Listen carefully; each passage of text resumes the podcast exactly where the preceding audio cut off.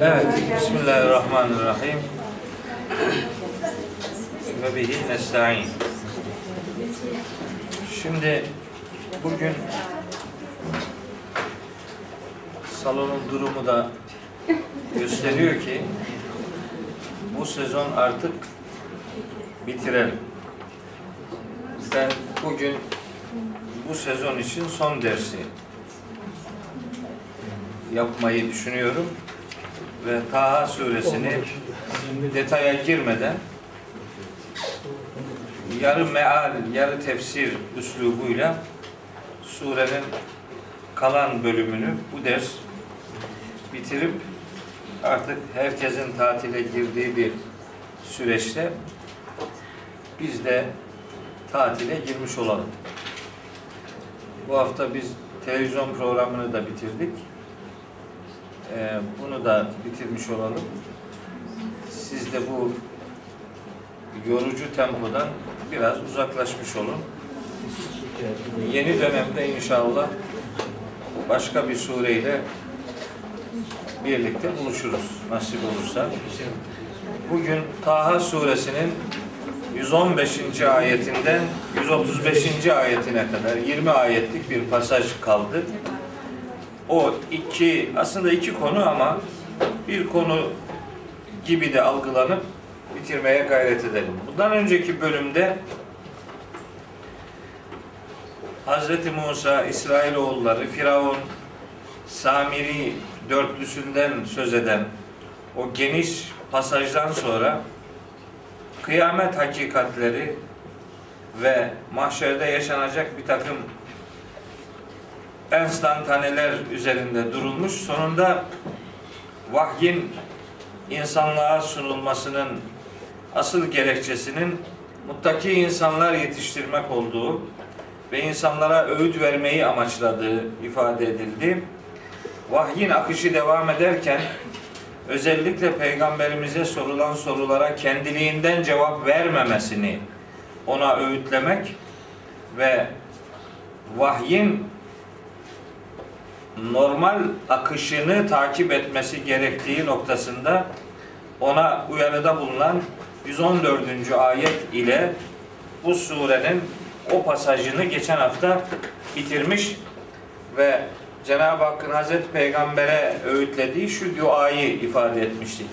Rabbi zidni ilma. Ey Rabbim benim ilmimi artır.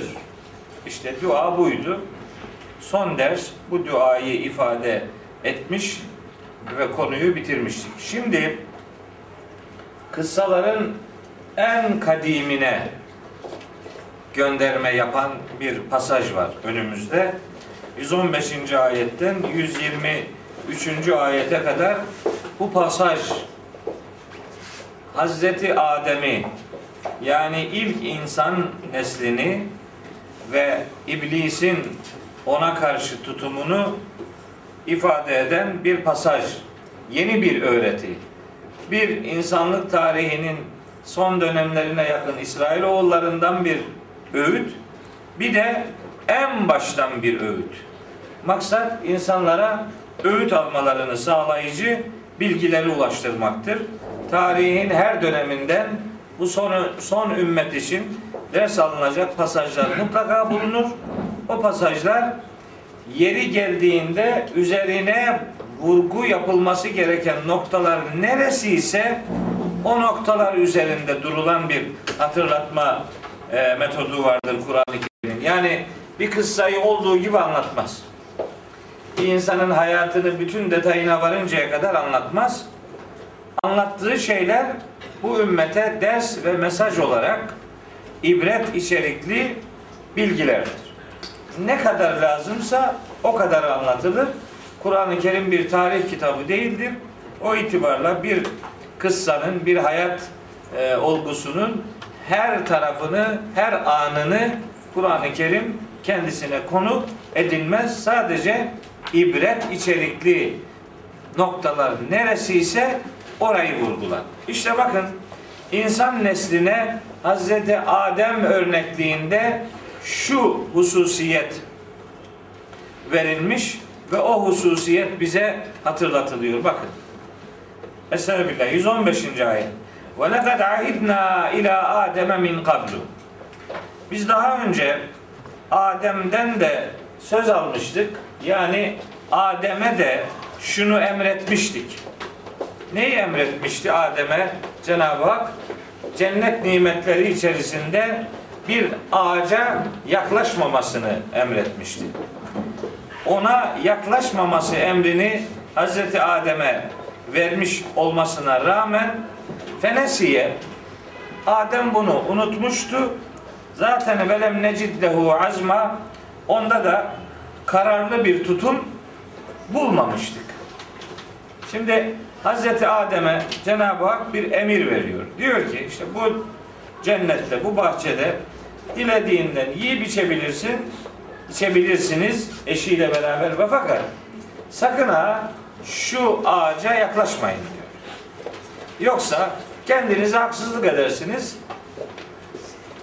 kendinize zulmedersiniz. Şu ağaca yaklaşmayın. Alınan söz buydu. Fakat Hazreti Adem sembollüğünde bu bütün insanlara yönelik bir hatırlatmadır esasında. Cenab-ı Hak bizden de söz aldı. Bizden nasıl söz aldı? Bizim fıtratımızı tek Allah inancına sahip olacak şekilde dizayn etti. Şimdi biz o tevhidi bozacak her eylemde Hazreti Adem'in yaptığı türden bir yanlışı yapıyoruz demektir. Yani burada Hazreti Adem'e emretmiştik, unuttu, kararını bulamadık onu ifadesi aslında sembolik bir ifadedir. Hepimize yönelik bir genel evrensel hatırlatmadır. İnsanoğlunda böyle unutkanlık var, unutkanlık. Zaten insan nisyan kökünden gelmiş bir kelimedir. Unutur. Unutur. Unuttuğu için bazı hataları yapabilir. Mühim olan hatada ısrar etmemektir. Hata yapmak insanlığın gereğidir. Önemli olan hatada ısrarcı olmamaktır. Ali İmran suresinin 134. ayeti 133, 134, 135. ayeti muttakilerin özelliklerini sayarken Yüce Allah orada buyuruyor ki muttakiler muttaki demek hiç hata yapmayan adam demek değildir. Muttaki demek hata yaptığı zaman Allah'ı hatırlayabilen ve ondan bağışlanma dileğinde bulunabilen ve bile bile yaptığı hatalarda ısrarcılık yapmayan adamdır muttaki. Ve lem yusirru ala ma fealu ve hum ya'lemun. Bile bile yaptıkları hatada ısrar etmez muttaki adam. Hata yapar yapmaz, onun hata olduğunu anlar ve onu bir daha tekrarlamaz. Takvayı anlattığım hemen her derste bu ayete gönderme yapmışımdır. Belki onlarca kez onu ifade ettim. Şimdi 115. ayette de mesele aynı. İnsanoğlu aslında fıtratıyla Allah'a söz vermiş durumda yaratılmıştır. Yani bu bir mecazi konuşmadır. Mecazi bir sözleşme biçimidir. Fıtratın şekillendirilmesi anlamında bir sözleşmedir. Adem peygamber de bu sözleşmenin gereğini unuttu. İnsanoğlu da unutuyor. Şimdi ya Adem gibi unutup sonra pişman olup tevbe edeceğiz, adam olacağız ya da iblis gibi sözleşmeyi unutup hatada ısrar edip şeytanlaşacağız. İki yol var önümüzde. Hata yapmak insanlık gereğidir. Ya hatadan tevbe edip adam olacağız. Yani istikamet sahibi olacağız.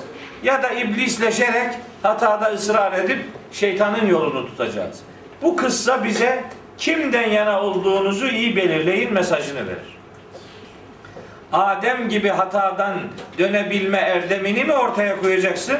Yoksa iblis gibi direnip şeytanlaşmayı mı tercih edeceksin? Kararını ver.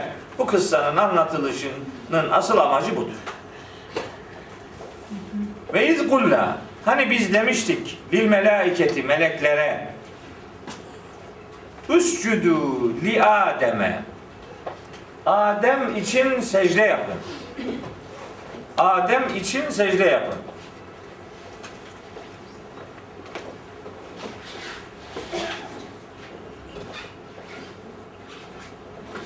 Adem için secde yapın. Adem'e secde yapın diye tercüme etmiyorum. Bakın özellikle. Adem'e secde yapılmaz. Secde Allah'a yapılır. Adem için secdeye kapanın. Dedik meleklere. Fesecedü hepsi secde ettiler. Yani hepsi secdeye kapandılar. Yani Allah'ın emirlerine boyun büktüler. Hepsi buyruklarına kesin inkiyat gösterdiler. İlla ancak iblise iblis bu emri yerine getirmedi. Eba yüz çevirdi. Şimdi burada önemli bir mesele var. Ben bu Adem iblis kıssasıyla ilgili detaylı bilgiyi nasip olursa Araf suresini işlerken vereceğim. Veyahut da Bakara suresinin 30'lu ayetlerini işlerken vermeyi düşünüyorum. Ama burada şu kadarcık kısmını söyleyeyim. Detaya girmeyeceğim. Detayı Araf'ta vereceğiz. Orada anlatılıyor bu işin asıl hengameli kısımları. Burada şimdi belki bir hata vardır zihnimizde. Onu arındırmış olalım. Allah meleklere dedi ki secde edin. Adem için secdeye kapanın. Hani ne oldu da bu secde emri istendi filan o detay Bakara'da var. O detaya girmiyorum. Sadece şurayı söylüyorum. Meleklere yönelik bir hitabın istisnası nasıl oldu da iblis oldu? Yani iblis iddia edildiği gibi meleklerden biri miydi? Bu çok önemli bir sorudur. Genellikle kabul edilen anlayışa göre iblis eskiden bir melekti. Aslında adı da Azazil idi. Duymuşsunuzdur bunu. Azazil, adı Azazil idi, meleklerden idi. Secde etmediği için kovuldu. Kovulunca da adı iblis olmaktan şeytana dönüştü. Böyle kabul edilir. Çünkü çıkış noktaları meleklere dedik ki Adem için secdeye kapanın. Hepsi secdeye kapandılar. İblis hariç. İblis hariç demek İblis de demek ki meleklerden idi. Onun için onu da melekler kavramının içerisinde Allah zikretti. Böyle bir algı var. İblis meleklerden mi idi? Çabuk çabuk bunun cevabını verelim. Hiç lafı uzatmadan. İblis hiçbir zaman meleklerden olmamıştır. İblis Kehf suresinin 50. ayetinin çok çok açık ifadesine göre hiç yoruma tabi olamayacak bir ayetin mesajıdır bu. İz kulna lil melâiketi iscudu li Adem'e fesecedu illa iblise aynı ifade orada da geçiyor. İblis hariç. Hangi surenin? Keyif 50. Keyif 18. sure 50. ayet. Kane iblis idi. Minel cinni cinlerden idi. İblis zaten cin idi. Hiçbir zaman melek geçmişi yoktur bunun. Bunu baştan bir düzeltelim bir defa. Şeytan eskiden melekti filan. Öyle bir şey yok. Hiçbir zaman olmadı böyle bir şey. Kâne minel cinni. Cinlerden idi. Fefeseka an emri rabbihi. Bu nedenle de zaten Rabbinin emrinden çıkıp gitmişti. İradeli varlıktı. İradesini Allah'a karşı olmaktan yana belirledi. Cin idi. Cinlerin inananı var, inanmayanı var. Bu inanmayan cinlerin atası durumundaki bir varlıktır. İblis hiçbir zaman melek olmamıştır. Bunu baştan bir düzeltelim. Bir. iki. Peki niye melekler kavramının içine iblis de giriyor? Bunun iki tane sebebi var. Bu sebepleri size aktarayım. Bir, Arapçada ve diğer dillerde hitaplar çoğunluk neyse ona göre belirlenir. Çoğunluğun durumu neyse hitap öyle belirlenir. Şimdi mesela düşünün ki şurada 80 kişi var. Bu 80 kişinin 75 kişisi diyelim ki bayan, 5 kişisi erkek ya da 79'u bayan, bir kişi erkek. Veya diyelim ki bir sınıf 50 kişilik bir sınıf. 45 kişi sınıfı geçti, 5 kişi geçemedi. Bu sınıf için tanımlayıcı ifade bu sınıf başarılıdır denir. İçinde başarısız birkaç kişi olsa bile sınıfın genel tanımı başarılıdır.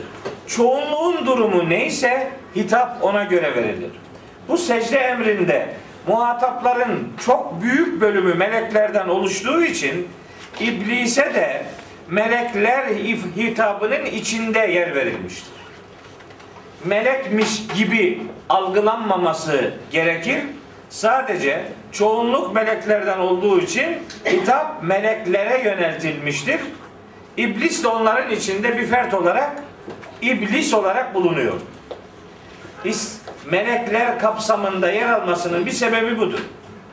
Bundan daha önemli bir sebebi daha var. Yani bu şimdi söylediğimi ben eski kitaplardan öğrendim. O bilgiyi size aktarmış oldum. Şimdi bana ait bir bulgu Araf suresi 12. ayettedir. Yüce Allah buyuruyor ki Kâle mâ mena'ake İblise diyor ki Cenab-ı Hak seni men eden sebep neydi? Ella tescüde secde etmemen konusunda İz emer tüke sana ayrıca emretmiştim.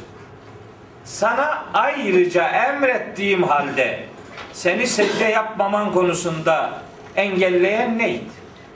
Bu ayet Cenab-ı Hakk'ın meleklere yönelik de secde edin emrini verdiğini ayrıca iblise yönelik de bu emri tekrarladığını bu ayetten açıkça anlıyoruz. Araf 12. ayet. Bu çok açık. Dolayısıyla hem meleklere Cenab-ı Hak bu emri vermişti hem iblise vermişti. O emrin sonucuyla ilgili melekler boyun büktükleri için onlar ayrıca zikredildi. İblis yüz çevirdiği için o istisna edildi. Onun istisna edilişi kendisine yönelik özel emre boyun bükmemesinin de bir anlamda karşılığıdır.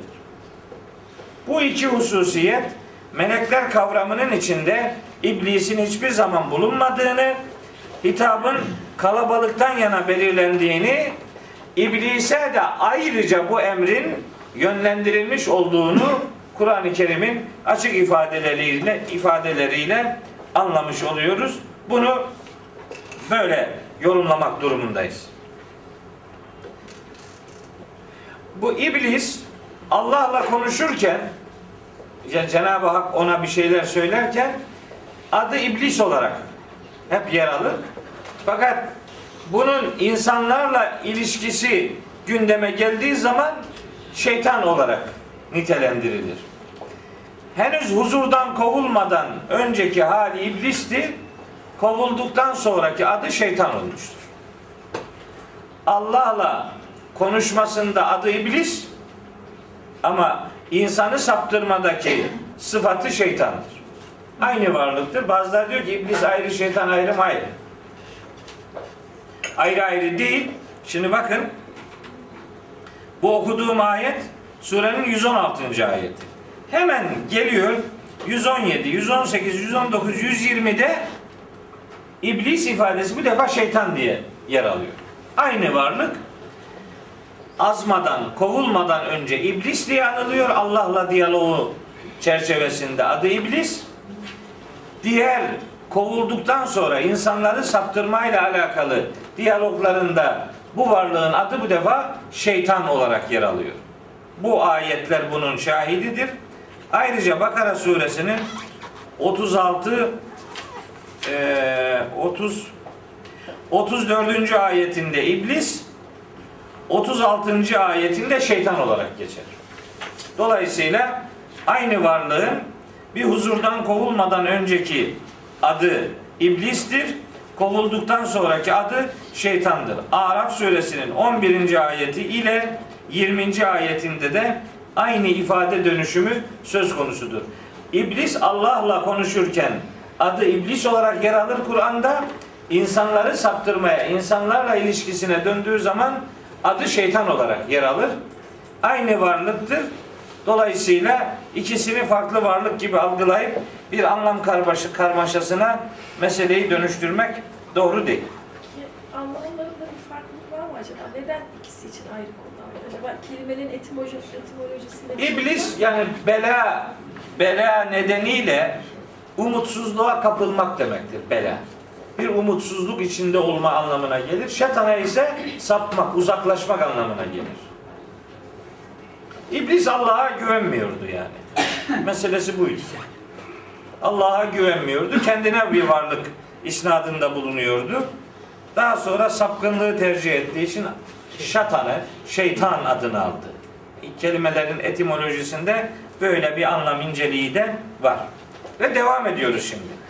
117. Fekulna biz demiştik ki ya Ademu ey Adem Ey Adem aslında ey Adem oğlu demektir de yani. Şimdi bu ayeti bize getireceğiz ya.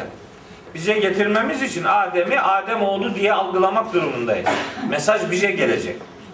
İnne hada bu iblis aduvun leke ve lizevcike senin ve eşinin düşmanıdır. Bunu düşman bilin. Bunu düşman bilin. Yasin'de geçiyor ya. Elem a'hed ileyküm ya beni Adem'e en la ta'budu şeytane innehu leküm aduvun mübinun. Şeytana sakın ha kulluk yapmayın. O sizin için açık bir düşmandır. Oradaki hitap evrenseldir. Buradaki de Adem ve eşi e, sembolizminde hitap gene bütün insanlığadır. Şeytan, iblis senin ve eşin için tam bir düşmandır. Dikkat edin. Fela yuhricennekuma minel cenneti. Sizi cennetten çıkartmasın bu. Feteşka. Yoksa yorulursunuz. Hayatınız zindan olur. Teşka o demek. Hayatınız zindan olur. Yorulursunuz, perişan olursunuz. Bu bir uyarı. Cenab-ı Hak Hazreti Adem'i ve eşini uyarıyor. Kimi şeytan diye, düşman diye tanıtıyor iblisi. Bu sizin düşmanınızdır. Sizi cennetten çıkartmasın. Yoksa iş karışır, sıkıntı çekersiniz.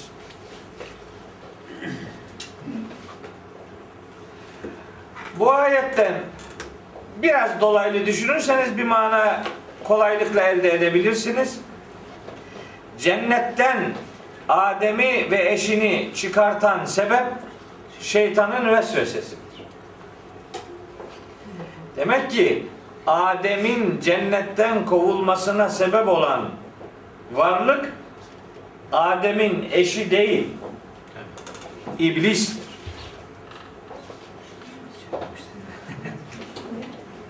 Yani bu İslam ümmetinin kahır ekseriyeti Adem'in cennetten çıkartılmasına sebebin eşi olduğunu zanneder. Hatta bunun için kadına yarı şeytan derler. Ya öyle diyor. Müslüman kadınlar da buna inanıyor. Ne yapayım? Ayet bakın ayet açık. Onları cennetten çıkartmaması için Cenab-ı Hak şeytanı düşman bilmeleri gerektiğini onlara öğütlüyor. Biraz sonra zaten daha açık bir ifade gelecek. Çok daha açık bir ifade. Bu cennetten sizi çıkartmasın. Bu cennetin hangi cennet olduğunu daha önce söylemiştim size.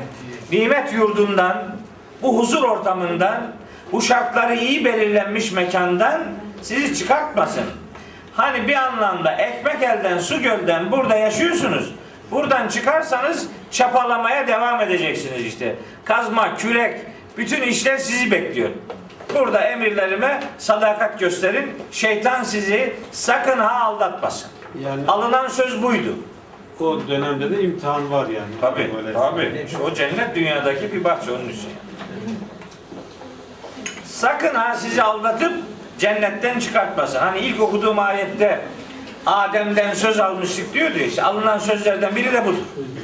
Şeytan sizi aldatmasın.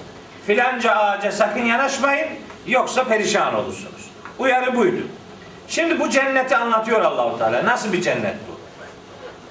İnne leke ella tecu'a fiha ve la ta'ra. Bu cennette aç acıkmayacaksın ve çıplak kalmayacaksın. Yani aç ve açıkta kalmayacaksın. Bunun şartları iyi belirlenmiş. Sana açlık dokunmayacak çünkü bol bol nimet var. Ve la ta'ra açıkta da, da savunmasız bir şekilde kalmayacaksın. Ve enneke la tazma'u fiha ve la tadha. Ayrıca susuzluk da çekmeyeceksin. Güneşin hararetinden de etkilenmeyeceksin. Susuzluk da yok. Aşırı sıcaklıktan bir bunalma da yok. Açlık yok. Açıklık yok. Yani şartları iyi belirlenmiş bir mekandasın. Burada sana verdiğim buyruğu sadakatle takip et. Ayrı, aykırı bir tutum içerisine sakın ha girme diyor. Hazreti Adem'e ve dolayısıyla eşine. Ve fakat fevesvese ileyhi şeytanu fevesvese ileyhi şeytanu Adem'e vesveseyi veren varlık şeytandır. Yani Adem'i aldatan varlık şeytandır. Adem'i eşi aldatmamıştır. Adem'i aldatan varlık şeytandır. Fevesvese ileyhi.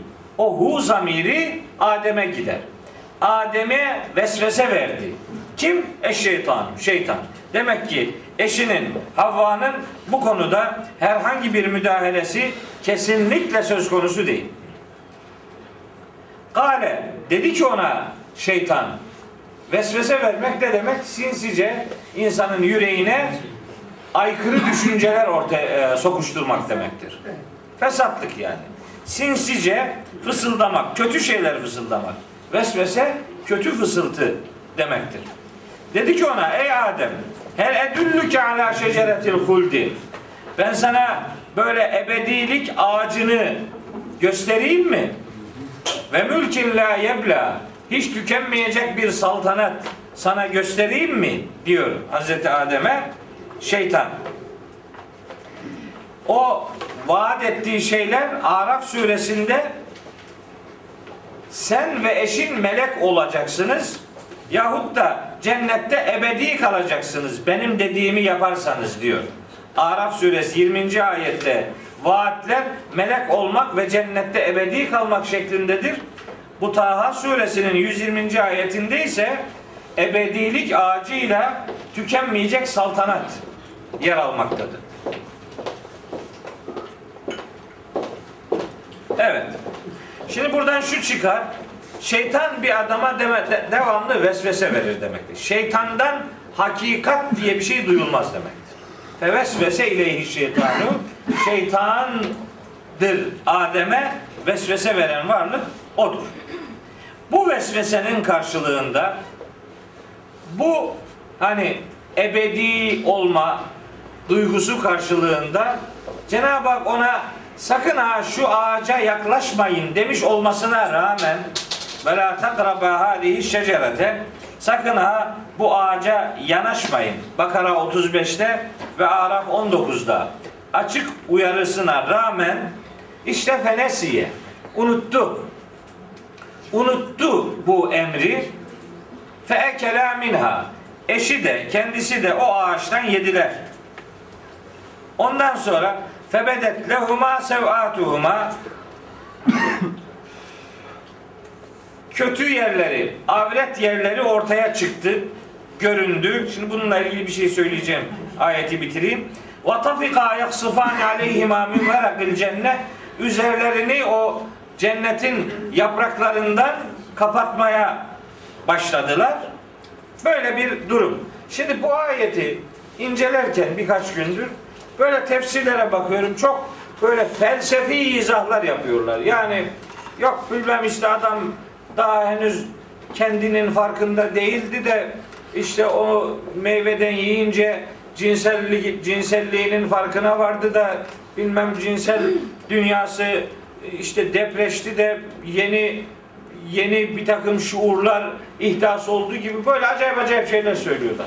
Bilmiyorum. Onlar da doğru olabilir de bana göre hiç bu kadar felsefeye lüzum yok. Ağaçtan yerken hoş o zaman böyle elbise yoktu muhtemelen. Yani yani derme çatma bir örtü vardı. Muhtemeldir ki üzerlerinde. ağaçtan öteden beriden alırken açıldı üstleri. Yani el bir üst setro avret gitti. Dolayısıyla hemen o yapraklardan üzerlerini örtünmeye işi dönüştürdüler. Yani meselenin çok anlaşılabilir bir boyutu var bence. Yani bunu çok öyle ağır felsefelere yani insan insan ölüm olmadan önce başka bir varlık gibiydi. Ondan sonra insan oldu filan. E, öyle değildi de Allahu Teala ne diye ondan söz aldı? İşte söz verdi, söz aldı, emir verdi, uyarılarda bulundu filan. Bu insan olmadan önce hangi haldeydi ki bu hitaplar ona nasıl verildi? Bence zor işler bunlar. Hiç gerek yok. Ağaca yanaşmayın dedi. Gitti ağaca yanaştılar. Ben 2005'te hacca gittim. Bak. Hacca gidip ihram giyiyoruz da erkeklerin büyük sıkıntısı ihram. Kadınlarda sorun yok, erkeklerde ihram giyiyorsun. Tabi iç çamaşırı yok. Bir de dediler bana ki hocam bizi Arafat'ta Cebelur Rahme'ye çıkar. Orada dua yapalım. Ben de saf saf e gidelim dedim. Yani ne işin var işte Arafat sınırları içerisinde duruyorsun yani. ne olacak o tepeye çıkacaksın da falan. E çıkalım. Dua yapacağız. Koro halinde dua yapmaya gittik oraya. Şimdi orada böyle güzel merdivenlerden yol var. O yoldan çıkamadık çok kalabalık çünkü. O yoldan çıkamadık. E o öbür taraf hep taş böyle. Acayip acayip büyük büyük taşlar var. Başladık keçi gibi taşlara tırmanmaya. Ha, ihramlısın. Öyle öyle taşlara tırmanılır mı? Orada aklıma geldi bu ayetler. O dedim her herhalde Hazreti Adem ile Hazreti Havva da böyle bir ağaca böyle tedbirsiz işte çıkınca düştü üzerindeki şeyler. Yani herhalde böyledir bu iş. Ondan sonra da hemen üzerlerini örtünmeye teşebbüs ettiler. İlk fırsatta ellerine de o ağaçların muhtemeldir ki böyle kalın yapraklı bir ağaçtı. O yapraklardan üzerlerini sakınmaya dönüştürdüler işi. Bence meseleyi böyle anlamaya çalışmak daha iyi. Öbür türlü acayip bir şey çıkıyor ortaya. Cevaplandırılması imkansız sorular gündeme geliyor. Ben bunu böyle daha insanca ve daha basit bir şekilde anlaşılabilir görüyorum. Kanaatim budur. Yani ama bu ayetten sonuç çıkartırım. O başka. bu ayetten şöyle nefis bir sonuç çıkartalım. Nefis bir sonuç çıkartalım. Siz bana dua edin. Sonra ben de bu yorumu öğrendiğime dua edeyim.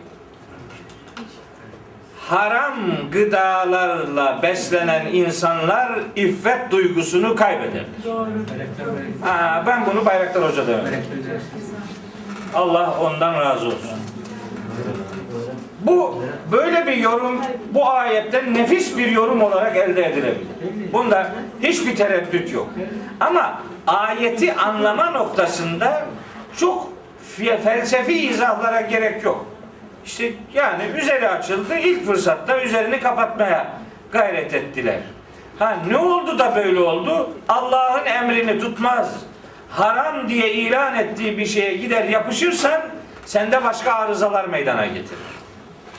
Hoş biz bunu Nisa suresinin 10. ayetinden de biliyoruz. İnnellezîne ye'kulûne emvâlel yetâmâ zulmen innemâ ye'kulûne fî butûnihim nâra ve seyaslevne sa'îrâ. İnsanların, yetimlerin mallarını haksız yere yiyenler karınlarında ateş dolduranlardır. Yani haram gıdalar insanların vücut yapısını bozar, ahlakını bozar, genlerini perişan eder. Bu Hazreti Adem olayında da yaşanan bunun bir başka versiyonu. Neticede biz günümüze ve bize bu ayetten şu sonucu çıkartıyoruz. Allah'ın yasak dediği şeylerden zinhar uzak durmak zorundayız. Allah bir şey yasakladıysa bunun daha felsefesini yapmaya gerek yok. Kul Allah'ın dediğine kayıtsız şartsız boyun büken adamdır. Öyle Allah'la pazarlık yapmanın bir anlamı yok. Senin görevin Allah bir şey dediyse boynunu bükmektir vesselam. Sonra işin hikmetini anlamaya gayret edersin. O başka. Ama işi çığırından çıkartacak bir takım garip yorumlara meseleyi dönüştürmenin hiçbir anlamı yok. Bu ayetten şahsen ben bunu anlıyorum. Evet. Sonra ne oldu? Ve asa Adem rabbehu fegava. Buyur. İşte Adem Rabbinin o emrine karşı gelmiş oldu ve böylece sıkıntıya düştü. Adem Rabbine asi olduğu gibi tercümeleri de biraz şey buluyorum. Böyle yaralayıcı buluyorum. Yani bu hatayı aslında nisyana bağlamak lazım. İnsanın nisyan özelliğine bağlamak lazım. Unutkanlığa bağlamak lazım. Günah işleyebilir şekilde yaratılmış olduğu olmasına bağlamak lazım. Bir peygamber Allah'a isyan etmez. Asa kelimesi değil şey yani bir tarafa yaslanmak, bir tarafta dik durmak anlamına gelir. Hazreti Adem nisyanına mağlup oldu ve o hatayı işlemek durumunda kaldı. Yoksa bir peygamber Rabbine karşı isyan içerisinde kesinlikle olmaz. Rabbim o kavramı kullanmış. Niye biz yani? Asa işte asanın bir anlamı asa değnek gibi olmak demektir. Asanın değnek anlamı var. Değnek gibi olmak yani. Yani bir tarafta durmak. Yani Allah'ın Allah'ın karşısında isyan içerikli eğer bunu böyle anlarsak Adem'in ilgili günahı işlemede iblisten farkı kalmaz. İblis düşmanlık yapmak için ilgili günahı yapmıştı. Hazreti Adem ise yani e, bir anlamda duygularına mağlup oldu. Allah'a isyan içerikli böyle şiddetli bir karşı çıkış içerisinde olduğunu sanmıyorum. Ama şunu bilelim ki ayetin güne gelen yorumu bağlamında günahlarda ısrar etmek insanı perişan eder. Adem peygamber günahta asla ısrar etmedi. Günahta ısrar etmedi. Biz onu bir sonraki ayetin mesajından rahatlıkla anlıyoruz. ثُمَّ اجْتَبَاهُ رَبُّهُ Sonra Rabbi onu seçti. Fetabe aleyhi tevbesini kabul etti ve heda ve ona bütün hakikatlerin yolu olan hidayet yolunu öğretti. Hazreti Adem bu yaptığı hatadan dolayı derin pişmanlık içerisine girdi. Araf suresinde diyorlar ki Hazreti Adem ve eşi Rabbena zalemna enfusena Ey Rabbimiz kendimize yazık ettik biz. Araf suresi 23. ayet. Kendimize yazık ettik. Ve illem tağfir lena ve terhamna. Sen bizi bağışlamaz ve bize merhamet etmezsen lenekûnenne minel hasirin. Biz de zarar ve ziyan içerisine düşenlerden olacağız. Bakara suresinde de vardı. Fetelakka Ademu min rabbihi kelimatin. Adem Rabbinden pişmanlık anlamında çeşitli mesajlar, ilhamlar öğrenerek aldı. Fetabe aleyhi Allah'a yöneldi ki Allah da onun tevbesini kabul etti. Yöneliş Adem'den geldi ve Cenab-ı Hak onun yönelişini kabul etti. Onun tevbesini cevapsız bırakmadı. Yani Bakara 37 idi şey Bakara kaçtı? 37. Ha, 37. Yani, Öbürü de e, Araf 23'tü. Evet. Bu, bu, bu diyalogların arasında başka bilgiler var. İşte Bakara'da ve Araf'ta o detaylandırılıyor. O detaya burada girmiyorum. Oraları okurken gireceğiz. Pasaj pasaj yani bu kıssa burada böyle kesik kesik gidiyor. Lazım olan kısımları anlatılıyor. Burada diğer detaylara girmiyor. O detaylar başka surelerde var. Şimdi bu karşı çıkış diyebileceğimiz hata işlemenin bir faturası var. O faturayı Cenab-ı Hak 123. ayette şöyle veriyor, kesiyor. Kale buyuruyor Yüce Allah. İhbita minha cemi'a. Hepiniz o cennetten inin bakalım. Ba'dukum li ba'din aduvun. Birbirinizin düşmanı olarak oradan inin. Birbirinizin düşmanı olarak oradan inin. Çıkın yani. Şimdi bakın burada Arapça gramer olarak ihbita diye bir ifade var. İhbita iki kişi demektir. İkiniz yani.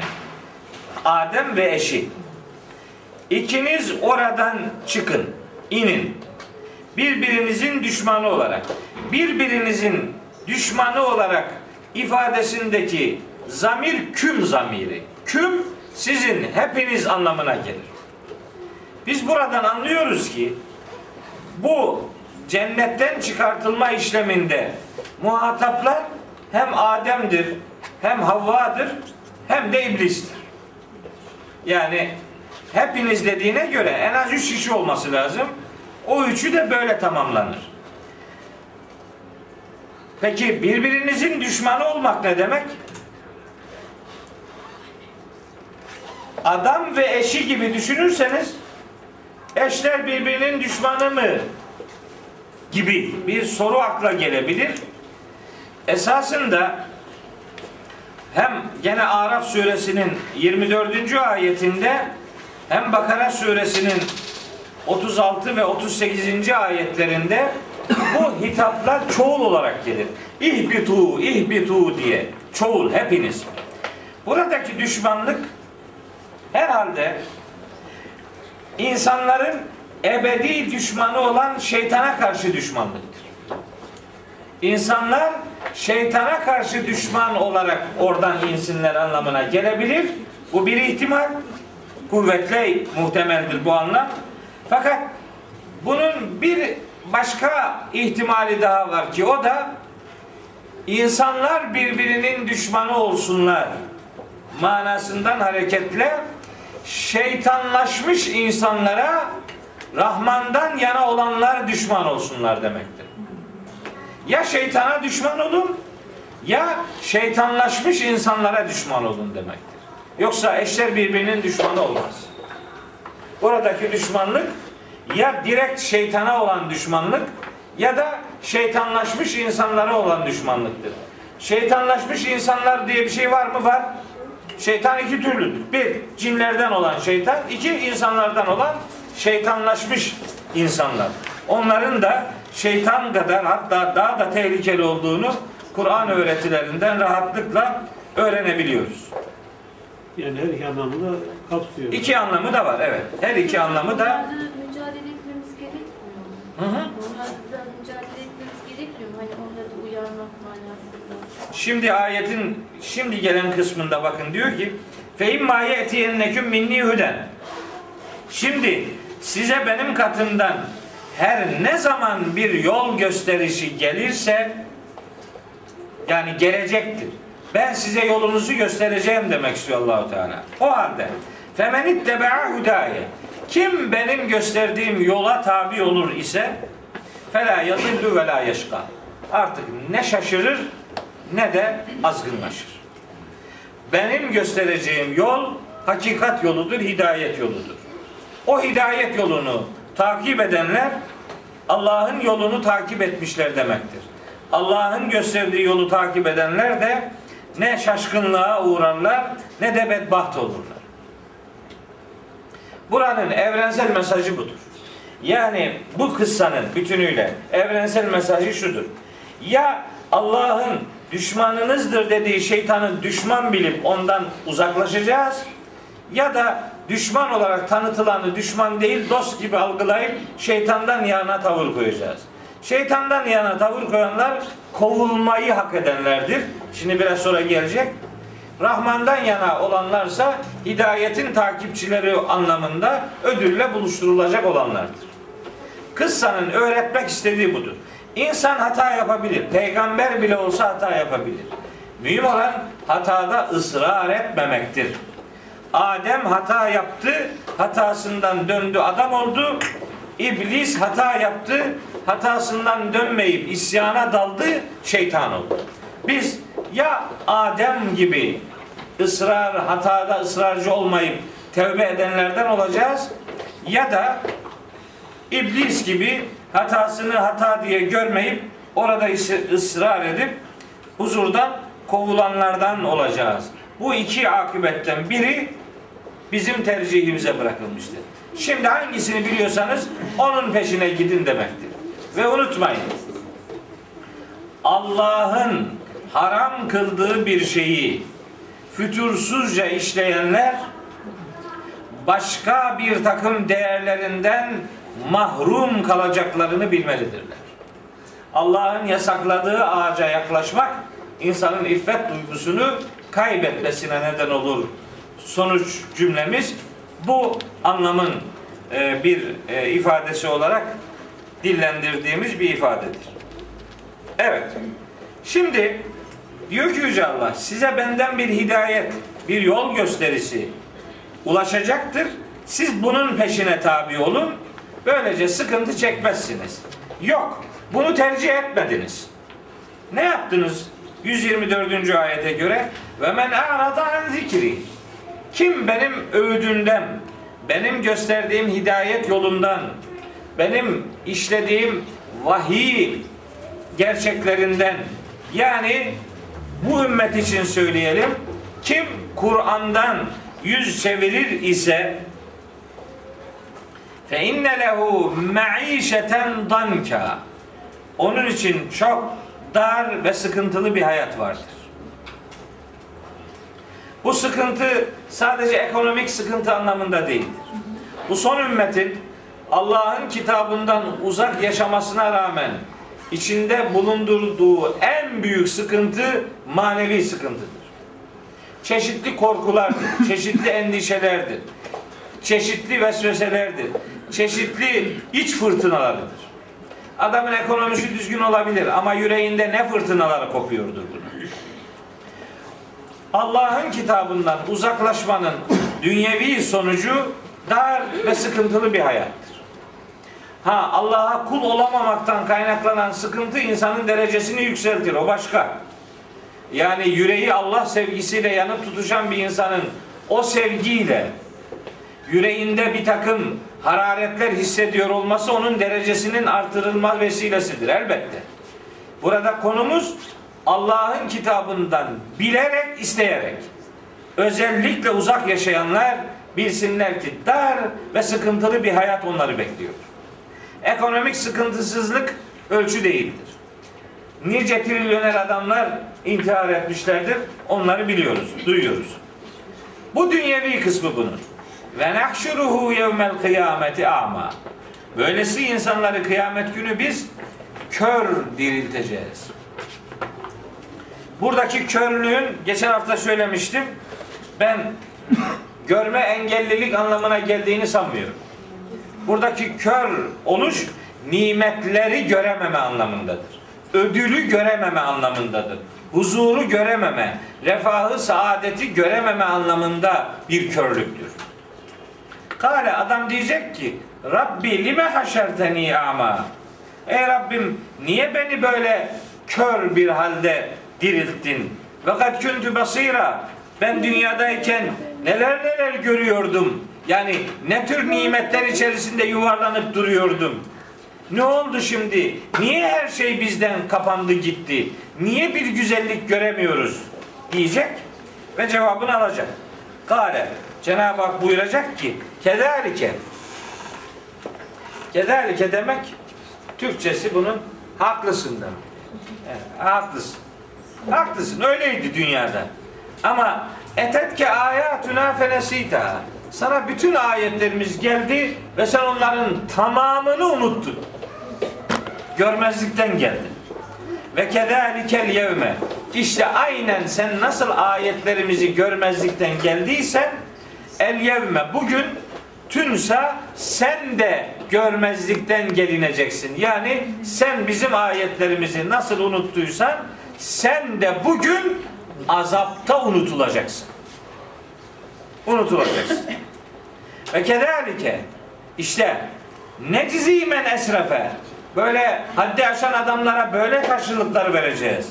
Ve lem yu'min bi ayati rabbihi Rabbinin ayetlerine inanmayan, Rabbinin ayetlerine güvenmeyen, Rabbine sırtını dayamak istemeyen, Allah diye bir endişesi bulunmayan bu sınırı aşan adamların karşılığı azapta unutulmaktır diyor. Onları mahşerde biz unutacağız diyor. Fel yevme nensahum kema nesu liqa'a yevmihim hada. Araf suresinde diyor ki Yüce Allah. Biz onları bugün unutacağız. Onlar dünyadayken bugün bizimle karşılaşmayı nasıl unutmuşlarsa biz de onları bugün azapta unutacağız diyor. Araf suresi 51. ayet. Bu Araf suresini mutlaka okumamız lazım. Araf suresi 44 ile 51. ayetleri bir Araf şeyi verir. manzarası verir. Araf. O Araf o bölümün son ayetidir. Hani diyorlar ki cennetliklere sesleniyorlar cehennemden. Bize biraz rızık verin, biraz su dökün filan. Onlar da diyor ki yok Allah yasakladı, imkansız. Çünkü siz dünya hayatında dini oyun ve eğlence haline getirmiş ve dinin dünya hayatının aldatıcılığına mağlup olmuştunuz. Bugün siz dünyadayken burayı nasıl unuttuysanız bugün de siz azapta öyle unutulacaksınız diyor. Araf suresi 51. ayet. Cenab-ı Hak bizi onlardan muhafaza buyursun. Onların arasına katmasın inşallah. Ve la azabul ahireti eşeddu ve yabqa. Ahiretin azabı işte çok daha şiddetli ve çok daha süreklidir, kalıcıdır, sargındır. Yapıştı mı adamı bırakmaz. Evet. Şimdi bir uyarıda daha bulunuyor Yüce Allah. Önce Mekkeli müşriklere, sonra herkese. Buyuruyor ki 128. ayette. Efelem yehdi lehum. Onlara yol göstermedi mi hala?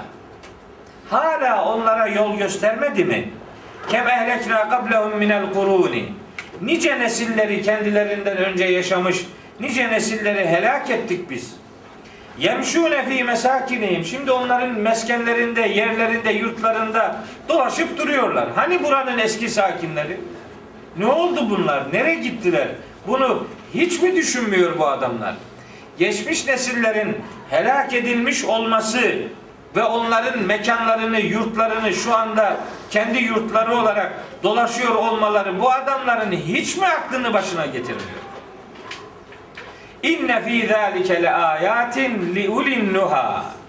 Hiç şüphe yok ki geçmiş nesillerin helakinde Nuha sahipleri için nice dersler vardır. Nuha diye bu surenin daha önce geçen bir ayetinde daha vardı bu. 54. ayetinde Nuha'yı orada açıklamıştım. Nuha denen akıl.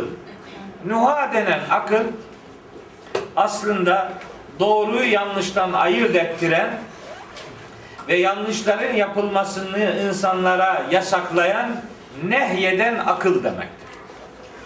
Olaylardan sonuç çıkartabilip o sonuçlara göre istikamet bulduran akıl Nuha denen akıldır.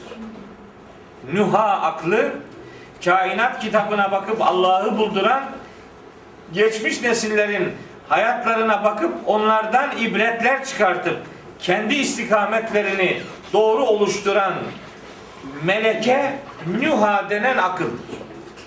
İşte bunca insanlar helak edildi gittiler. Onların yerinde dolaşıyorsunuz. Hala daha neden bir yol gösterici işaret peşine düşmediniz de sapkınlığı tercih ediyorsunuz diye Yüce Allah kınayıcı bir ifade kullanıyor. Aynı şey bize de yani bu son ümmete de hitaben veriliyor. Yani bunca insan geçti gitti. Bu sistem böyle devam ediyor. Bu devam bu ah- hayatın bir rovanşının mutlaka alınacağı gerçeğine bizi götürmelidir. Normal akıl bunu gerektirir diyor. Ve sünnetullah'a dair bir kural hatırlatıyor Yüce Allah. Sünnetullah yani Allah'ın insanlık ve kainatla ilgili belirlediği ezeli kader. Buyuruyor ki velevla kelimetun sebekat min rabbike eğer Rabbinden bir kelime geçmemiş olsaydı lekâne nizamen onlara azap artık kaçınılmaz olurdu. Neydi o geçen kelime? Ve ecelün müsemma. Belli bir zamana kadar yaşatılma sözü.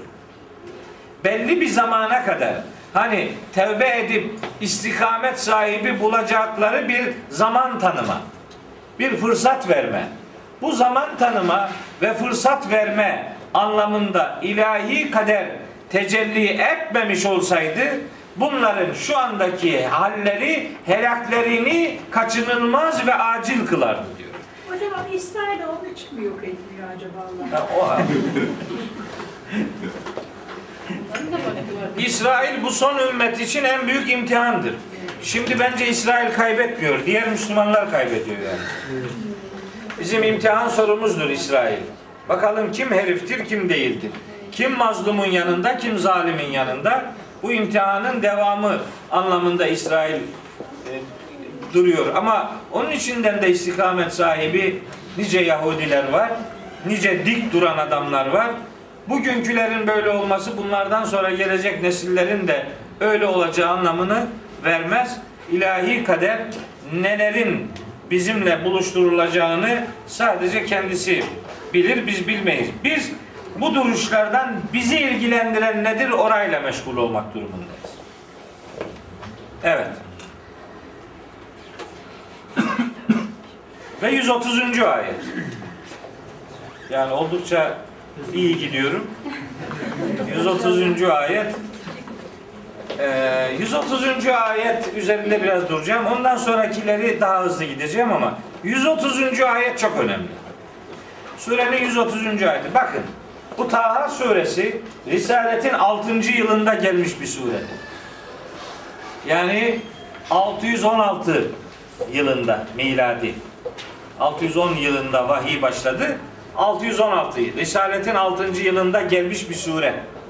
Yani tam Mekke döneminin ortası. Şimdi bu sözümü unutmayın. Biraz sonra bir şeyle çatışacak bu söz. Bunu unutmayın. Mekke'nin tam ortasında geldi bu sure. 6. Risalet yılında geldi. Tamam. Ne var? Bakın ne var? 130. ayet. Fasbir ala ma yekulune. Ey peygamber sen şimdi onların sözlerine karşı sabırlı ol. Dayanıklı ol. İstikametinden ayrılma. İnançlarına sarıl. Dik dur. Sarsmasın seni onların şu veya bu sözleri, çıkışları. Ve sebbih bihamdi rabbike. Rabbini hamd ederek tesbih et. Rabbine hamd ederek tesbih et. Hamd ve tesbih ifadeleri Kur'an'da sıklıkla kullanılır.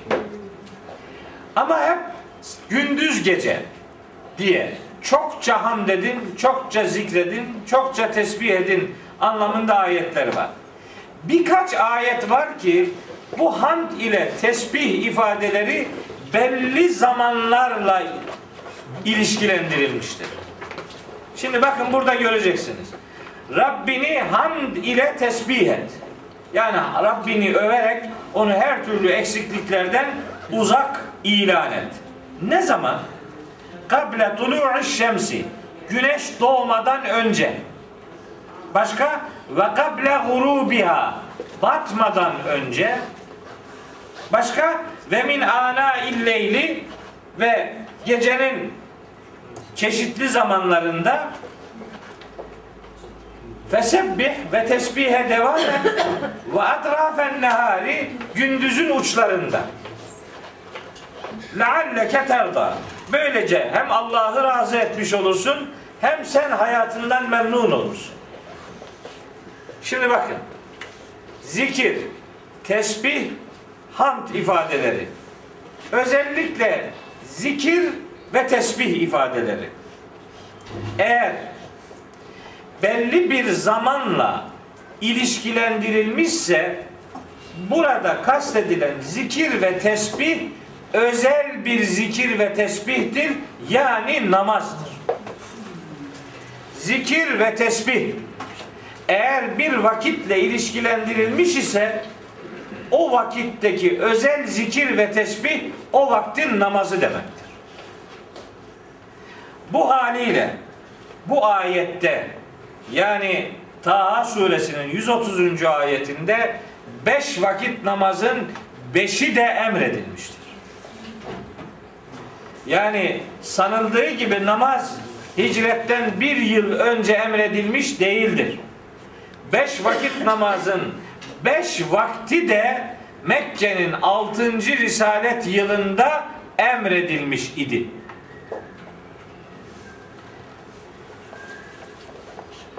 Güneş doğmadan önce sabah, batmadan önce ikindi. Ana illeyli gecenin ilerleyen zamanları. Yani en az en az üç vakittir ana elleyli. Gecenin vakitleri. Bu üç vakitten biri akşamdır, biri yatsıdır, biri de ya gece namazıdır ya sabah namazıdır. Yani gece namazı olması daha kuvvetle muhtemeldir. Hani vitir kılıyoruz ya biz. Onu gece namazı diye kılarız. Bu ana elleyl gecenin ilerleyen zamanları çeşitli bölümlerinde kıl. Akşam, yatsı ve gece namazı. Şimdi bakın sabah var, ikindi var, akşam var, yatsı var. Bir öğle kaldı. Etrafen nehari etrafen nehari gündüzün uçları demektir. E, Hud suresinde gündüzün iki ucu diyordu. Tarafeyin nehari gündüzün iki ucu sabah akşam veyahut da gündüzün etekleri anlamı verenler de var. Gündüzün etekleri demek öğle ikindi demek gündüzün etekleri. Etrafen nehari gündüzün etekleri manasına gelirse öğle ve ikindi namazları gibi algılanabilir. Ama buna taraf, uç manası vermek daha yaygındır. Böyle olunca gündüzün üç tane ucundan söz ediliyor demektir. Gündüzün bir ucu sabah vaktidir. Bir diğer ucu akşam vaktidir. Üçüncü ucu ise güneşin zirvede bulunduğu öğle zamanıdır. Etrafen nehar gündüzün üç ucunda kılınan namazları işaret eder. İşte Peygamberimiz şu ayetten hareketle namazların hangi vakitlerde kılınacağını sünnetiyle bize öğretmiştir. Ayet vakitlerin adını söylemiştir. Peygamberimiz onların sınırlamalarını, zaman sınırlandırmalarının nereden nereye kadar olduğunu bize öğretmiştir. Dolayısıyla sanıldığı gibi Miraç'ta namaz beş vakit farz kılınmıştır ifadesi son derece hatalı bir ifadedir. Miraç'tan tam beş sene önce bu ayet gelmiş ve Peygamberimiz namazlarını beş vakit kılmıştır Mekke'de. Miraç'ta öğretilen de bunun bir pratiği olabilir. Ama kalkıp da beş vakit namaz Miraç'ta farz kılındı sözü büyük bir hatadır. Hocam viraja bakarsak 50 vakit olur. 50 vakit. Ha Yani işte o oraya konuşmuyorum da yani işin işin yani kültürü komple reddedip yani köksüz kalmamak anlamında söylüyorum. Yorumlayabileceksek o bilgileri bunları Kur'an ışığında yorumlamamız yorumlamak durumundayız. Burada beş vaktin beşli de var. Miraca nispet edilen o beş vakit buradaki beş vaktin bir daha tekrarlanmasından ibarettir. Yoksa ilk defa orada verilmiş bir beş vakit namaz ibadeti anlayışı doğru bir anlayış değildir. Taha suresi Risaletin 6. yılında gelmiştir. Hele ki bundan daha önce indirilmiş Kaf suresinde bundan daha önce indirilmiş Hud suresinde de bu namazlar beş vakit olarak hissediliyor. Yani Arapça gramere bakarsanız gramer kurallarından hareketle beş vaktin beşini de üç değişik yerden bulabilirsiniz. Hatta Rum suresi 17 ve 18. ayetlerde vakitlerin adı da vardır. Rum suresi 17 ve 18. ayetlerde. Fe subhanallahi hine tümsune ve hine tusbihune. Yani akşama girdiğiniz zaman da Allah'ı tesbih edin. Sabaha ulaştığınız zaman da akşama sabaha. Ve lehul hamdu fis semavati vel ardı ve aşiyyen. Yatsı namazında da Allah'a hamd edin ve hine tuzhirune öğleye ulaştığınız zaman da. Zuhur öğle demektir. İşa yatsı demektir. Mesa akşam demektir. Sabah sabah demektir. O iki ayette olmayan tek namaz ikindi namazıdır. O da zaten Bakara suresinin 238. ayette salat-ı usta diye açık açık ilan edilmiştir. Bakın şuradan bütün yüreğimle söylüyorum. Kur'an-ı Kerim'de beş vakit namazın beş vakit olduğu hem vakitlerin adı söylenerek yer almaktadır hem vakitlerin güneşe göre hareketleri ifade edilerek yer almaktadır. İki türlü de Kur'an'da beş vakit namazın vakitleri de zamanları da beyan edilmiştir. Peygamberimiz bunun sınırlarını göstermiştir.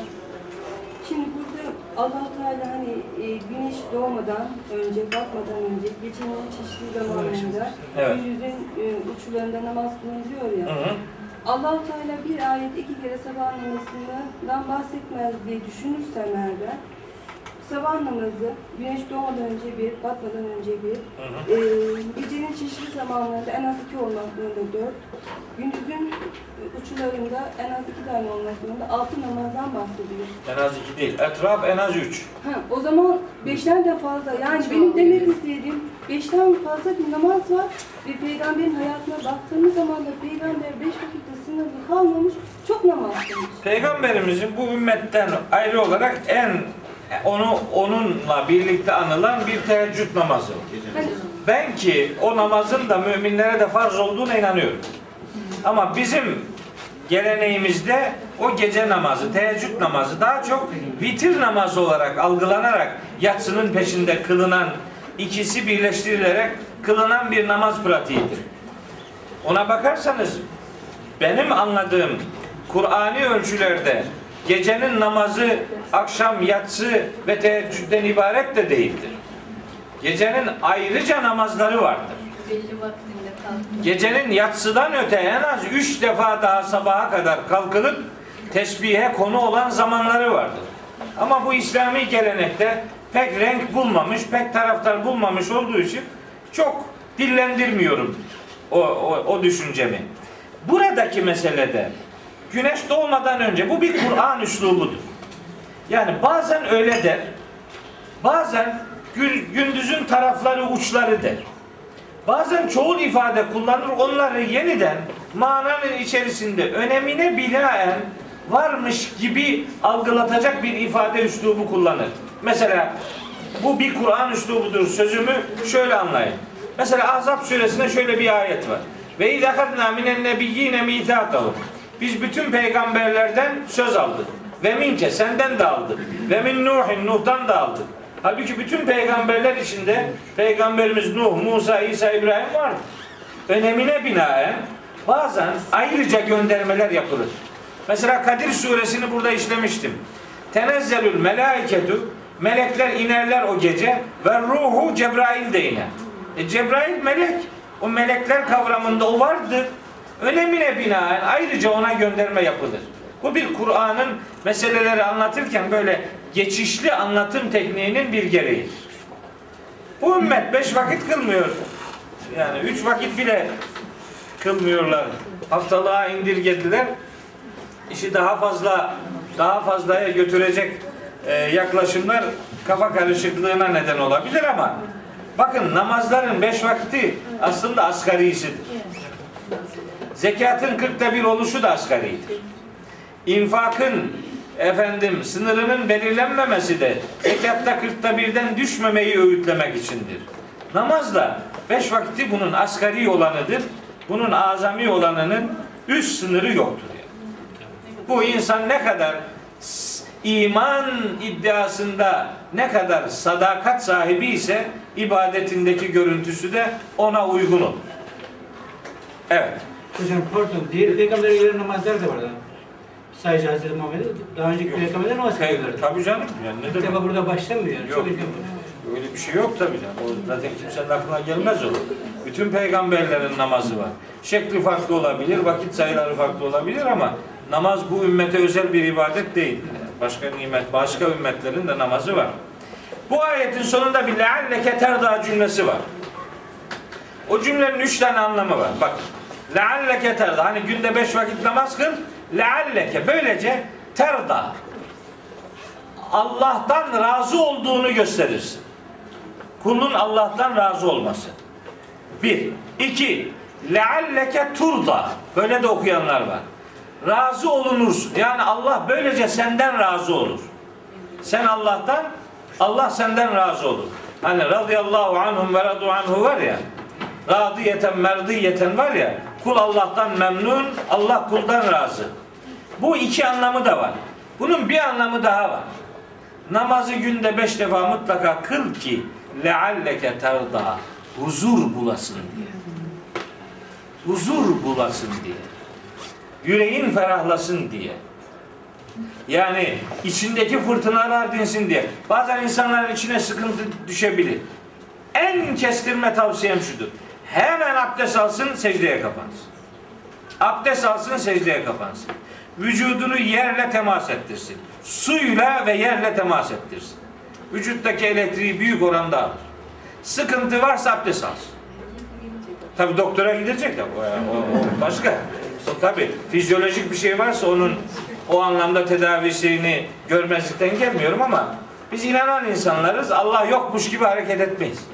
Allah'a kul olmanın sıkıntıları gidermede de önemli rahatlıklar bahşedeceğine inanırız. Ve şimdi uyarılar. İki uyarı ayeti. Ve la temuddenne ayneyke. Gözlerini sakın ha dikmeyesin. İlâ mâ metta'nâ bihi.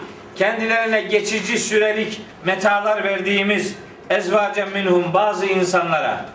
Zehretel hayati dünya. Dünya hayatının aldatıcı süsü bağlamında bazı insanlara verdiğimiz metalara, geçici dünyalıklara gözlerini sakın dikmeyesin. Peygamberimize buyuruyor. Dikmeyesin. Lineftinehum fihi. Biz o insanlara verdiklerimizi onları imtihan etmek için verdik. Bir adamın ne kadar çok malı varsa imtihanı o kadar büyüktür demektir. Malın mı var, derdin var demektir. Ne kadar çok malın varsa o kadar büyük sorular seni bekliyor demektir. Ne kadar güzel imkanları var deyip onlara lüzumsuz yere gözün akmasın. Gözünü akıtma. Ve rizku rabbike hayrun ve abka. Rabbinin rızkı daha hayırlı ve daha kalıcıdır. Bakın ben bu ayetten ne anlıyorum? Bir, dünya malının tamamı geçicidir. Çünkü ona Allah meta diyor. Meta başı sonu belli olan gelip geçici geçimlikler anlamına gelir. Ve bütünüyle dünya hayatı meta olarak tanıtılır. Meta. Meta dünyanın tamamına meta denir. Yani gelip geçicidir. Yani sürekli değil kalıcı değildir. O itibarla o geçici olana göz dikmemeli, özenilmemeli ve hayatı ondan ibaret saymamalıyız. Allah'ın verdiği rızık daha hayırlı ve daha kalıcıdır ifadesi de iki anlama gelir. Bir, peygamberimize verdiği peygamberlik, vahiy yani risalet rızıkların en güzelidir demek istiyor. Falanca filancanın şu veya bu kadar malının olması senin gözünü almasın. Allah'ın sana verdiği risalet ve vahiy rızkı en hayırlı ve en kalıcı olandır. Bunun iki, ikinci anlamı odur. Biz de işte bu rızka talibiz. Yani biz risalete talip değiliz. Bu saatten sonra peygamber olacak durumumuz yok. Ama bu saatten sonra vahyin rızkından istifade edebilmemizin yolu açıktır. Dünya metaına göz dikmek yerine vahyin rızık oluşuna yüreğimizi bağlamak bizim için daha hayırlıdır. Bu ikinci anlamıdır. Bir anlamı daha var. Bu da mahşerde Allah'ın vereceği nimetler, ödüller çok daha hayırlı ve çok daha kalıcıdır.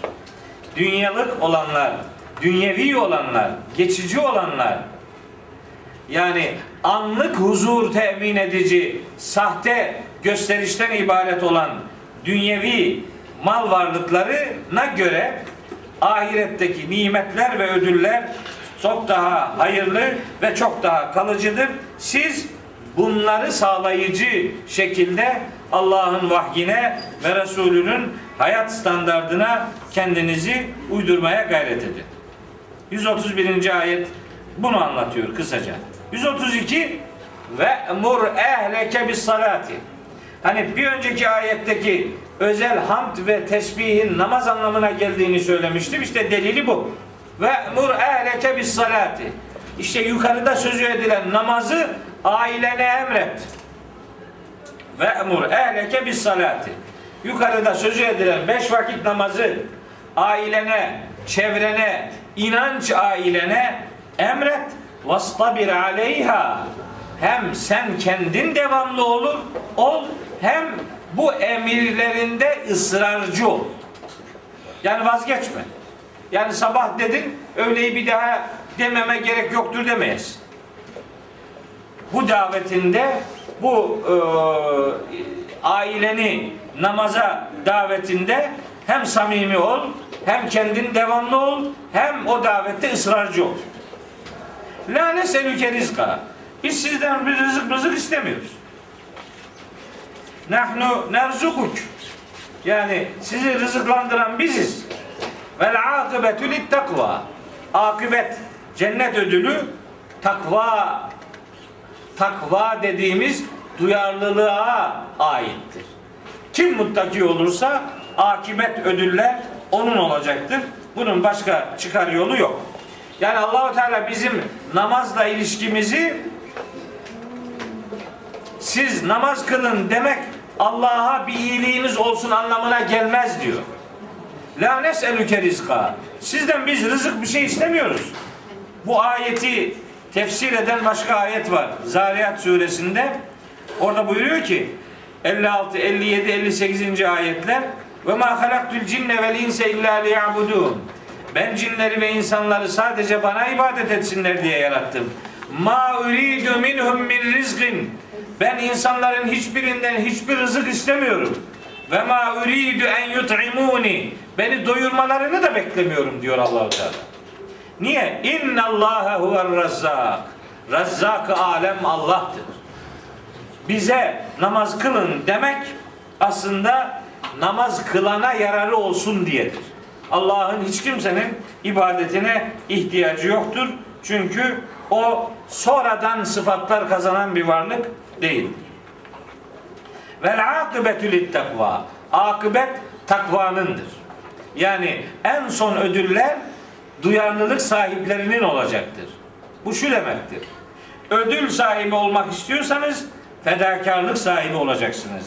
Fedakarlık sahibi olmak ibadet ehli olmak demektir. İbadet hem gündelik hayatımızdaki şartları, şekilleri belli eylemlerdir. Hem insanlık hayrına yaptığımız her tür güzel davranıştır. İbadet kapsamı oldukça geniş bir kavramdır. Dar anlamda ibadet gündelik İslam'ın işte beş şartı dediğimiz namaz, oruç, hac, zekat gibi eylemlerdir. Geniş anlamda insanlık hayrına olan her tür faaliyet ibadet. Sonra bu hasenat adını alır, salihat adını alır vesaire. O başka ama genel ibadetin kapsamı hayatın tamamını kuşatacak şekilde bir genişliğe sahiptir. Ödül almak isteyenler fedakarlık yapmalıdırlar. Fedakarlık yapmanın yolu ibadet ehli olmaktan geçer mesela. Bütün bu gerçeklere rağmen ve kalu derler ki demişler ki bakın ne diyor? Levla yetina bi ayetin min rabbi. Canım bu peygamberin peygamber olduğuna dair Rabbinden bir mucizesi gerekmez miydi? Bir mucize getirseydi ya bize. Cevap. Evelem te'tihim beyinetu ma fis suhufil ula. Öncekilerin mesajları, öncekilerin vahiylerinin içerdiği o muhteşem mesaj onlara gelmedi mi? Önceki milletlere gönderilen bütün hakikatler peygamberimize de gönderilmiş demektir. Öncekilerin başına gelen sıkıntıların bilgisi yeni bir peygamberin doğacağı müjdesini de zımnen içermektedir. Yani Kur'an'ın işaretleri var o konuda. Ee, Fetih suresi 29. ayette var. Saf suresinin 6. ayetinde var. Peygamberimizin geleceği belli ki o o kitaplarda var. Tahrif edilmemiş hallerinde peygamberimizin gönderileceği bilgisi onlarda vardır. Ama buradaki mesaj bütün peygamberlere gönderilen ilahi mesajın ruhu aynıdır. Misyonu aynıdır. Onlara gelen her bilgi hakikat anlamında bu son ümmeti de ilgilendirmektedir demektir. Yeni bir şeyin gelmesine gerek yok. Yeni bir mucizeye gerek yok diyor Allahu Teala. Eski gönderilen bütün peygamberlerin risaletlerine dair bilgiler bu son ümmeti de bir anlamda ilgilendirmektedir.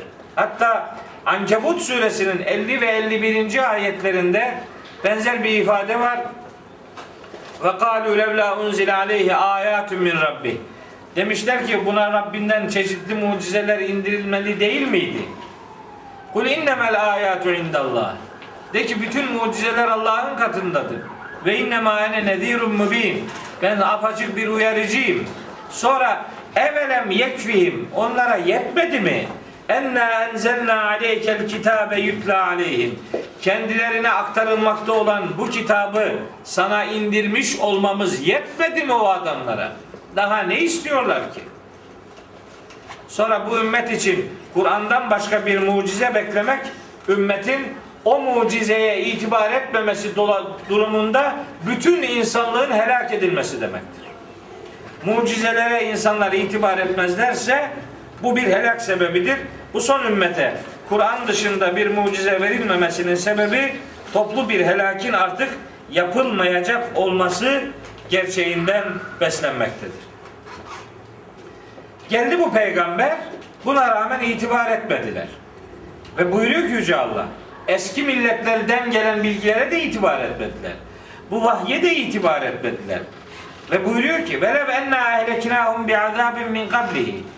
Ola ki biz peygamberden önce onları herhangi bir azapla helak etmiş olsaydık lekalu o zaman derlerdi ki Rabbena ey Rabbimiz levla erselte ileyna rasulen bize bir peygamber gönderseydin de fenettebi'a ayatike biz senin ayetlerine tabi olsaydık da min kabli en nezille ve nehza bu rezilliği, bu perişanlığı, bu sıkıntıyı, bu bedbin hali, onur kırıcı zilleti yaşamadan önce gönderseydin bize bir peygamber de biz de ona tabi olsaydık olmaz mıydı derlerdi. Eğer biz seni göndermeden onları helak etseydik böyle derlerdi. Ama şimdi ellerinde hiçbir bahane ve mazeret kalmamıştır. Son peygamber gelmiş, son ilahi mesaj onlarla buluşturulmuştur. Buna rağmen yeni şeyler bekliyorlar. Yeni bir şey gelmeyecek artık. Bütün peygamberler tarihinin ortaya koyduğu misyon ortak bir misyondur ve o misyonun yüzüğü, altın mührü bu son vahiy ile şekillendirilmiştir. Bundan sonra yeni bir mucize, yeni bir risalet, yeni bir vahiy asla söz konusu olmayacaktır. Kul de ki herkese küllün herkes müterabbisun kendine göre bir takım beklentiler içerisindedir. Herkes kendine göre iyi şeyler bekliyor. Kuruntularını din yapanlar istikbalin onlara güzellikler getireceğini sananlardır. Kuruntularına din süsü verenler, kendi ürettiği anlayışına din diye tapanlar, o kuruntularının ileride onlara menfaat devşirteceğine inanırlar. Sen şimdi bunlara de ki, bu beklenti içerisinde olanlara, feterabbesu, bekleyin. Bekleyin, gözetleyin bakalım. Feseta'lemune. Nasıl olsa yakında bileceksiniz, anlayacaksınız. Men ashabus sıratı seviyyi ve men ihteda. Kim dost doğru yolun ve hidayet üzere bir hayatın sahibiymiş bunu yakında anlayacaksınız. İşte Kur'an'ın yakın dediği şey kıyamettir. İnnehum yaravnehu ba'ida ve nerahu gariba. Onlar kıyameti uzun, uzakta görürler. Biz ise çok yakın görürüz. İşte burada yakında zamanı geldiğinde anlayacaklar. Kim dost doğru yolun ve hidayet e, istikamet sahibi olmanın efendim erdemini kim yakalamış bunu yakında görecekler. Herkes beklentisini devam ettirsin. Sonuç herkese ilan edilecek ve herkes yaptığı ile haşrolup ruzi mahşerde bu hayatın hesabını mutlaka ve mutlaka verecektir diyor Taha suresinin 135. ayeti dolayısıyla son ayet. Ben bu son ayeti duaya dönüştürerek dersi bitirmek istiyorum. Rabbimden niyazım odur ki sizi bizi dost doğru yolun ve hidayeti takip edenlerin içerisine katsın ve mahşerde yüzü ak, pak, berrak olanlardan Peygamberimizin yanında arkadaşlığını yapanlardan eylesin. Rezillik ve perişanlıklar içerisine terk ettiklerinden bizleri uzak ve muhafaza eylesin. Evet. Hocam ebedi alemde ahirette kafirlerin yeri ebedi cehennem, müminlerin yeri de